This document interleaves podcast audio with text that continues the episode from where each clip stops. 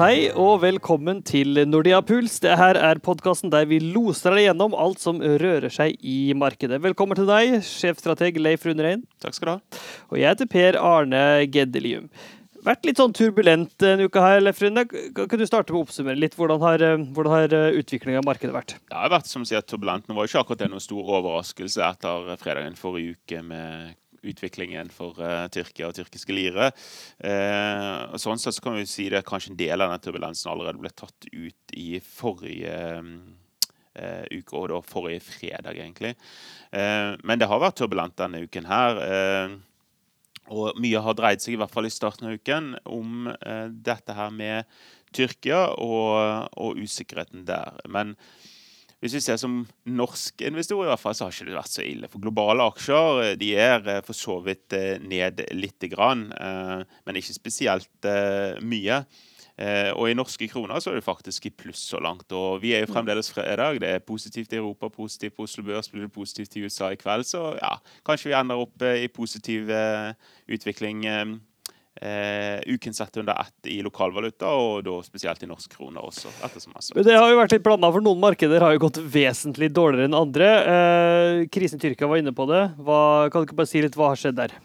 Ja, altså det, det, som plager markedet, skal jeg si det sånn, det er jo det at uh, krisen i Tyrkia er ikke så stort problem for markedet. Tyrkia utgjør forsvinnende liten del av uh, globale børsverdier og, og, indekser. det utgjør også en, bare en liten del av global BNP og sånne ting, så det er ikke noe sånn stort problem med Tyrkia i seg sjøl. Du har selvfølgelig spredningsrisikoen, spesielt da, kanskje til, til banker i Europa. Men likevel, det ser ikke sånn overhengende ut. Eh, det store problemet som plager investorer, det er jo om dette her er en såkalt eh, idiosokratisk eller en systematisk problemstilling. For, for hva, sitte, hva, mener du med det? Ja, nettopp, bare for å sitte liksom, hva, hva det betyr, ganske enkelt. Gjelder dette bare Tyrkia? Mm. Eller er det et større problem? Um, og Det er mange gode argumenter for at det gjelder bare Tyrkia, uh, som handler om at Tyrkia, uh, til forskjell fra mange andre land i emerging markets, har fortsatt med det om at man finansierer seg med utenlandsk gjeld, ofte i utenlandsk valuta. Og vet jo det at det er veldig greit så lenge gjeld er billig og ting går bra, og spesielt også hvis din egne valuta styrker seg. Men i det øyeblikk det motsatte skjer, sånn som nå, uh, så får du ja, sant? Altså, det er klart faller verdien på valutaen din med 50% og du har et lån i en annen valuta, så har plutselig lånet ditt økt med 50% og du mm. skal betjene det og tilbakebetale det og betale renter i utenlandsk valuta, så plutselig blir mye mye dyrere. Og Vi har jo hatt erfaringer med det sjøl her i Norden tidligere. Vi har hatt erfaringer under Asiakrisen, hvor vi så at mange, mange, mange selskaper gikk konkurs i sånne situasjoner. Også for så vidt land fikk Ja, altså Det er ikke bare den tyrkiske staten, også tyrkiske selskaper som har eh, Absolutt. dollarlån. Absolutt. Um, så, så, det er et problem, men det er noe som handler mye om Tyrkia. Selvfølgelig er det kjedelig for investorer å ta tap på den type posisjoner, men likevel er det ikke noe sånn enormt eh, stort problem. Eh, og Tyrkia har vært spesielt siste tiden fordi at man har større og større mistro til både den økonomiske retningen, politiske retningen til landet, og også da eh, troen på institusjonene. Med institusjoner så mener jeg hovedsakelig eh, sentralbanken. At sentralbanken er uavhengig, mm. og at ikke Erdogan kan overstyre. F.eks. når eh, man trenger høyere rente, at ikke han går inn og sier at nei, vi skal kutte ja. renten osv. Eh, nå er det jo kommet signaler fra Tyrkia også sjøl at man skal kutte bud på budsjettene. At at har måttet kutte mellom 10 og 30% og så selvfølgelig, Det kommer mm. ikke uten en viss kostnad, men det er i hvert fall en villighet ser det ut som de gjør noe med, med problemet. Og Hvis dette her er, bare handler om, om, om, disse typer ting, så er det ikke noe stort problem. Det som vi snakker om, mer om det gjelder mange andre da, emerging markets, det er jo det at vi har hatt en situasjon hvor dollaren har styrket seg, hvor eh, renten i USA blir eh, eh, økt, og vi ser etter hvert at eh, denne kvantitative tilstrammingen, altså den reverseringen av disse pengetrykkingene som vi har sett tidligere, den er begynt å komme i gang og kommer til å øke fremover. Og problemet det, det er det at man kan se det at man får mangel på dollarfinansiering og dollarlikviditet ute i markedet, som gjør prisene høyere og kan ramme mange emerging markets-land. Og Der går diskusjonen frem og tilbake. Er dette her bare, Handler det bare om Tyrkia, eller er dette her en slags advarsel for hva ja. som kommer til å skje? Ja, for Emerging markets har jo falt en del, altså, altså andre emerging markets. Ja, og det har vært litt sånn uh, forskjellig. For det første så har jo vår favoritt eh, Kina falt en del. Jeg skal komme tilbake Mm. til det litt. Men så har jo også vi har sett uh, ulike problemer siste tiden, bl.a. For, uh, for Øst-Europa. Ikke bare i Tyrkia som har lidd der. altså Russland har jo lidd under disse uh, nye sanksjonene som Mm. kom inn. Eh, Rubel også ikke klart seg suverent i den perioden. Eh, og, og sånn sett eh, så har det vært flere ting. Men det er ikke nødvendigvis akkurat den samme tingen som spiller ut. Bare før vi går videre, det har jo også kommet sank altså, sanksjoner mot Tyrkia i tillegg. Mm. og Det har skapt ekstra usikkerhet. Ja. Det er ikke så lurt å legge seg ut med USA på toppen av alt her. Nei, og det blir jo bare verre og verre jo mer Erdogan snakker. da, fordi at uh, Vi har en situasjon hvor vi har en pastor, Andrew Brunson, som er uh, arrestert i Tyrkia, uh, siktet for ja, diverse konspirasjon mot, eh, mot Erdogan osv. Eh, og dette liker USA særdeles dårlig, og det har gjort at man har innført eh, eh, eh, nye sanksjoner og ekstra tollsatser på Tyrkia på 20% på aluminium og 50% på stål. Og dette, dette er ikke noe god utvikling for eh, landet. Og Normalt sett så søker du løsning, da, men Erdogan han er ikke typen til det. Eh, Ja, for du lure på hvorfor i all verden ville ofre alt der bare for en eller annen pastor som sitter i fengsel? Eh, Det det, du må, da må du spørre en annen enn en økonom som jeg har. Det, det, det er beyond my ja, det, Han sitter nå fengsla der, i hvert fall. Eh, Ja, jeg melder pass på det, på det spørsmålet. Eh, men, men det er klart at uh, da har vi hatt uttalelser fra Erdogan som går på liksom det at uh, ja, alt som produseres ute som vi importerer, det kan vi gjøre like så godt i Tyrkia osv. Ja. Og det, ja, det skjønner alle at det bare tull. Vi har gått ut også med boikott bl.a. av Apple-produkter. og Ja. uh, an, i, ja, det, er liksom, det, er ikke, det, er ikke, det er ikke det investorer i hvert fall har lyst til å høre når, når du ser på den, på den utviklingen. Nå skal jeg si, det har kommet et par gode nyheter. Det er det at Qatar ser ut til å komme med en slags form for krisehjelpinvesteringer på 15 milliarder dollar. Eh, I tillegg så har det vært noen positive signaler fra, fra Tyskland og, og, og Merkel om at man skal sitte seg ned og forsøke å, se hvordan man kan unngå en videre eskalering. Det, det kan også snu i uka som kommer. Absolutt, og du har sett eh, det tyrkiske liret de siste dagene har eh, faktisk styrket seg en, en, en del igjen. Men på langt nær så, så, så, så mye som har falt. Men problemet er nå utviklingen fremover. Hvis, hvis vi fortsetter med et slags feil retning på politisk og økonomisk utvikling og for sentralbanken og institusjoner, så kan Tyrkia komme i veldig mye større trøbbel enn det de er i dag. Så da kan bare ball fortsette å rulle i, nesten inn i evigheten. Eh, men vi får håpe de tar grep tidlig for å stoppe dette. Kina, da? Der har det jo vært en ny nedtur. Der har det vært en ny nedtur. Jeg har snakket mye om at, eh, om at eh, det har vært ja, ikke berettiget fall i Kina. Det har vært mye sentiment rundt handelskrigen, som normalt sett ikke bør Mm. ramme inntjeningen til, til eh, kinesiske selskaper i noe stor, eh, stor grad. Eh, og en av de tingene som har vært positivt der, det er jo selvfølgelig det at man har hatt mye eksponering i indeksen mot eh, IT, mot konsum, finans, som er veldig konsentrert om kinesisk økonomiutvikling. Problemet denne gang har vært at det faktisk er berettiget at man har sett et fall. Eh, et av Kinas største selskaper, eller rett og slett det største børsnoterte, og som er inne på topp ti på verdensindeksen, Tencent. eh, De har eh, opplevd eh, et ganske dramatisk fall, egentlig over lengre tid nå. eh, Og man har sett frykt for eh, videre utvikling for selskapet. Og eh, de driver bl.a. med online-spill. Man Mm. kan flire av det, men det er et kjempemarked, og tjener masse masse penger på det. Eh, dessverre så er det sånn at eh, siste så har man eh, fått eh, to ulike organer i, eh, i, Kines, i Kina som, som godkjenner eh, nye spill, som ikke har godkjent noe. Mm. Og siste nå så fikk jo faktisk eh, også Tencent eh, beskjed om å tre trekke siste lansering deres, Monster, eh, Monster Hunter World, som, som har vært der ute. Det er klart at Dette var noe som skulle være en boost fremover.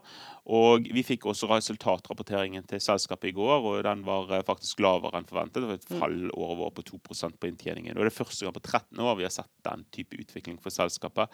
Så, og dette er ikke en mygg. Eh, Ved starten av året så var det rundt 20 av MSCI China-indeksen. Nå er det rundt 15 så sier du dette har hatt, et fall For allerede. Man skulle men- kanskje men tro at ett spill som ble trukket, ikke var så farlig, men eh, det er kanskje sånn, regulatorrisiko ja, på andre områder. at du ikke får, eh, og begrunnelsen som blitt gitt Mm. her på et par av dette at det må trekkes, det var jo annet at det var eh, veldig voldelig, og, og Mm. kanskje også hadde noen regimekritiske undertoner osv. Så, videre.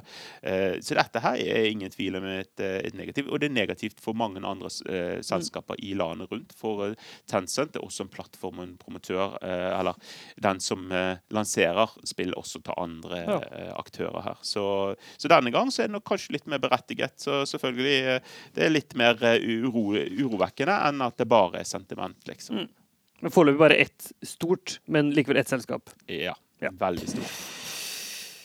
Det har vært noen små litt selskapstall òg. Ikke så mange, men noen. Ja, altså, eh, Rapporteringssesongen i den vestlige verden er jo for alle praktiske formål over. Men vi har jo noen etterslenger, og noen av disse etterslengene er jo ganske store. Og vi hadde jo Walmart ute denne uken her, og det var jo ganske oppmuntrende tall. De leverte nesten 20 inntjeningsvekst år over år. Det var 6 bedre enn ventet. Og det viser i hvert fall det at eh, eh, amerikanernes eh, hang til konsum det fremdeles er, med oss her. Og tydeligvis så har ikke Walmart, som ble utpekt kanskje en av taperne i forhold til denne handelskonflikten, mye av det som Mm. produseres eh, eller selges, selger produseres. veldig, veldig billig. Veldig, sånn Veldig, veldig billig, altså. gigantisk billigkjede, kan du si. da. Ja. Men uh, i hvert fall so far so good. Mm. Det er kanskje litt tidlig, uh, men de leverte klart bra. Og de har levert også klart bedre inntjeningsvekst enn resten av eh, sektoren som de Mm. tilhører, som er stabilt forbruk eller consumer staple, om du vil. Walmart er jo også så stor at det kan nesten si litt om amerikansk detaljhandel i seg selv. Ja, eh, Walmart er veldig stort. Det har jo vært en stor diskusjon rundt utviklingen deres, også i forhold til det med netthandel og nettkonkurrenter, Amazon osv. Eh, men det er ingen tvil om at eh, enn så lenge i hvert fall, så er dette gode, gode tall å komme med. Iran, da? Ja, Iran. Eh, altså Vi sitter her og er jo litt spesielt interessert i det pga. at vi sitter her som eh, AS Norge og Mm. har oljeeksponering så det holder i både våre porteføljer gjennom norske aksjer og, og selvfølgelig også eh, gjennom landets økonomi. Mm. Eh, og den siste tiden så har jo eh, oljeprisen falt litt. Den var jo nesten oppe i 80, han var vel faktisk og så vidt over òg. Men, men han har kommet, kommet, eh, kommet ned. Det ligger rundt ja, 71-72 dollar fatet disse dagene. Um, også falt denne uken. her, Litt på litt sånn eh, ja, litt høyere lagerbygging enn det man trodde, og litt ja, mindre Ja. fokus på det. Og der eh, går jo vi mot en slags eh, deadline her om to måneder, hvor de neste runde av sanksjoner mot Iran blir innført fra USA, eh, og som gjør det at flere og flere blir presset ut til å kjøpe iransk olje. og der går det jo ikke i riktig eh, retning heller. Vi hadde vel eh, eh, Ayatollah Khomeini som var ute og forbudte forhandlinger med Trump-administrasjonen her denne uken. Så det, det er ikke noe sånn, man skal, man skal ta alt disse tingene her med en klype salt, men det er ikke Ja. en sånn super eh, der. Og det er klart at Nå har vi to måneder igjen til sanksjonene inntreffer. og det er klart at hvis det blir en hard håndhevelse av disse sanksjonene, også mot land som importerer mye olje fra Iran. Europa er én ting, men, men også India, Kina osv. Så, videre, eh, så kan nok det også føre til en klar oppsiderisk på, på oljeprisen her. Mm. Som selvfølgelig er positivt for, eh, for noen, men eh, også selvfølgelig negativt Mm. for andre her. Ja, for kan du spise konflikten mellom USA og Kina også ytterligere? I tillegg til handelskonflikt. Ja, selvfølgelig. Eh, makrotall, da? Kom det noe, noe der? Ja, jeg kom litt, grann, men ikke noe sånn voldsomt. Eh, Vi hadde eh, Ikke så at jeg pleier å få så mye oppmerksomhet. Vi hadde reviderte BNP-tall fra eurosonen. De viser jo fremdeles en meget sterk vekst, selv om det har vært skuffelse den siste tiden. Og ble, ble klart opprevidert. Det samme, samme har vi sett nå også fra, fra Japan, at de blir revidert opp ganske kraftig. Så, Sånn sett så har det kanskje vært litt, eh, litt eh, positiv eh, utvikling der siste tiden. Men vi har også fått andre tall, annet en som jeg har bitt meg merke i, fordi at eh, får mye oppmerksomhet, og ofte så kan det jo skape litt sånn, sånn utfordringer. Det er den amerikanske Philip Fed-indeksen som kom inn klart svakere enn enn eh, ventet i går. Eh, Det er en regional indeks eh, som med mange andre eh, måler temperaturen på, på utviklingen i industrien i USA. Og den kom inn klart svakere ventet, og da tenker jo i hvert fall de som er litt mer negativt i utviklingen, at nå, nå kommer det en svakere utvikling også i USA. Og da skal man huske på at disse tallene er ganske volatile. Og når det blir så store fall, så er det ofte noe som blir korrigert i etterkant. Og i hvert fall når du har vært med i noen år i dette gamet, her, så, så eh, blir du oppmerksom på det. Jeg husker godt i 2011, når vi ble lurt av samme indeks. Da falt den dramatisk, og enda mer enn eh, det gjorde denne gang. Og da gikk vi mer mot at verdenfrykten verden fryktet nå kommer resesjon i USA. Dette var tross alt eh, noen år tilbake, 2011. Vi hadde akkurat kommet ut på mange måter av forrige krise. Um, og sammenfalt selvfølgelig med mange andre ting. Eh, Vi hadde noen nedstengninger, amerikansk eh, eh, eh, offentlig sektor. Vi hadde at de mistet uh, trippel A-ratingen sin, Ja. kredittverdighet. Men likevel mye oppmerksomhet gikk mot denne ene indeksen som falt som stein. Og hadde tidligere varslet resesjoner, så nå kom resesjonen i Du må ta med klippesalt, med andre ord. ja, og vi så jo Den gangen så vi dramatisk fall i aksjemarkedet. Aksjemarkedet var nesten ned 20% så vi var nesten et B-marked igjen i den perioden der. Um, og det blåser ganske fint over. Eh, Det blir ikke noe sånn fryktelig voldsom eh, vekst eh, fremover. Og årene etter så har det vært ganske stabilt, før det tok seg ganske kraftig opp nå i, fjor og i år. Mm. Så man skal ta litt sånne ting med litt klype salt. Men det får mye oppmerksomhet når det skjer. Ja. Det var noen tall fra Japan og Kina. Er det noe viktig å nevne? Ja, altså Kina er jo alltid viktig, som sagt, men jeg vet ikke om jeg skulle highlighte det så, så voldsomt. Det var kanskje litt svakere tall på detaljhandel, Mm. Industriproduksjonen kom inn uendret, og kanskje litt sånn skuffende, men ikke noe sånn som jeg ville trekke frem som noe stor eh, greie. Industriproduksjonen har på mange måter eh, vært litt sånn svak eh, over det hele siste tiden. Nå var den kanskje litt sterkere enn en, enn, eh, ventet fra Japan, så kan jeg håpe det er en slags ny trend. Det er ofte veldig syklisk, men likevel eh, ikke noe sånn hurra med hei makrotall om dagen. Men neste uke, da, Leif Rune, hva kan vi forvente oss blir viktig da? Ja, altså igjen, altså Vi er jo i en slags sånn eh, vakuumperiode nå eh, etter at, eh, at eh, rapporteringssesongen er stort sett over, i hvert fall for de vestlige markedene, som gjør det at du føler det litt sånn eh, mangel på, på ny info impulser til markedet. Men det kommer jo en del eh, makrotall, så det kan vi jo nevne. og Da er det vel hovedsakelig PMI-er fra ja, både fra USA og fra Europa som kanskje kan, kan trekke, trekkes eh, frem.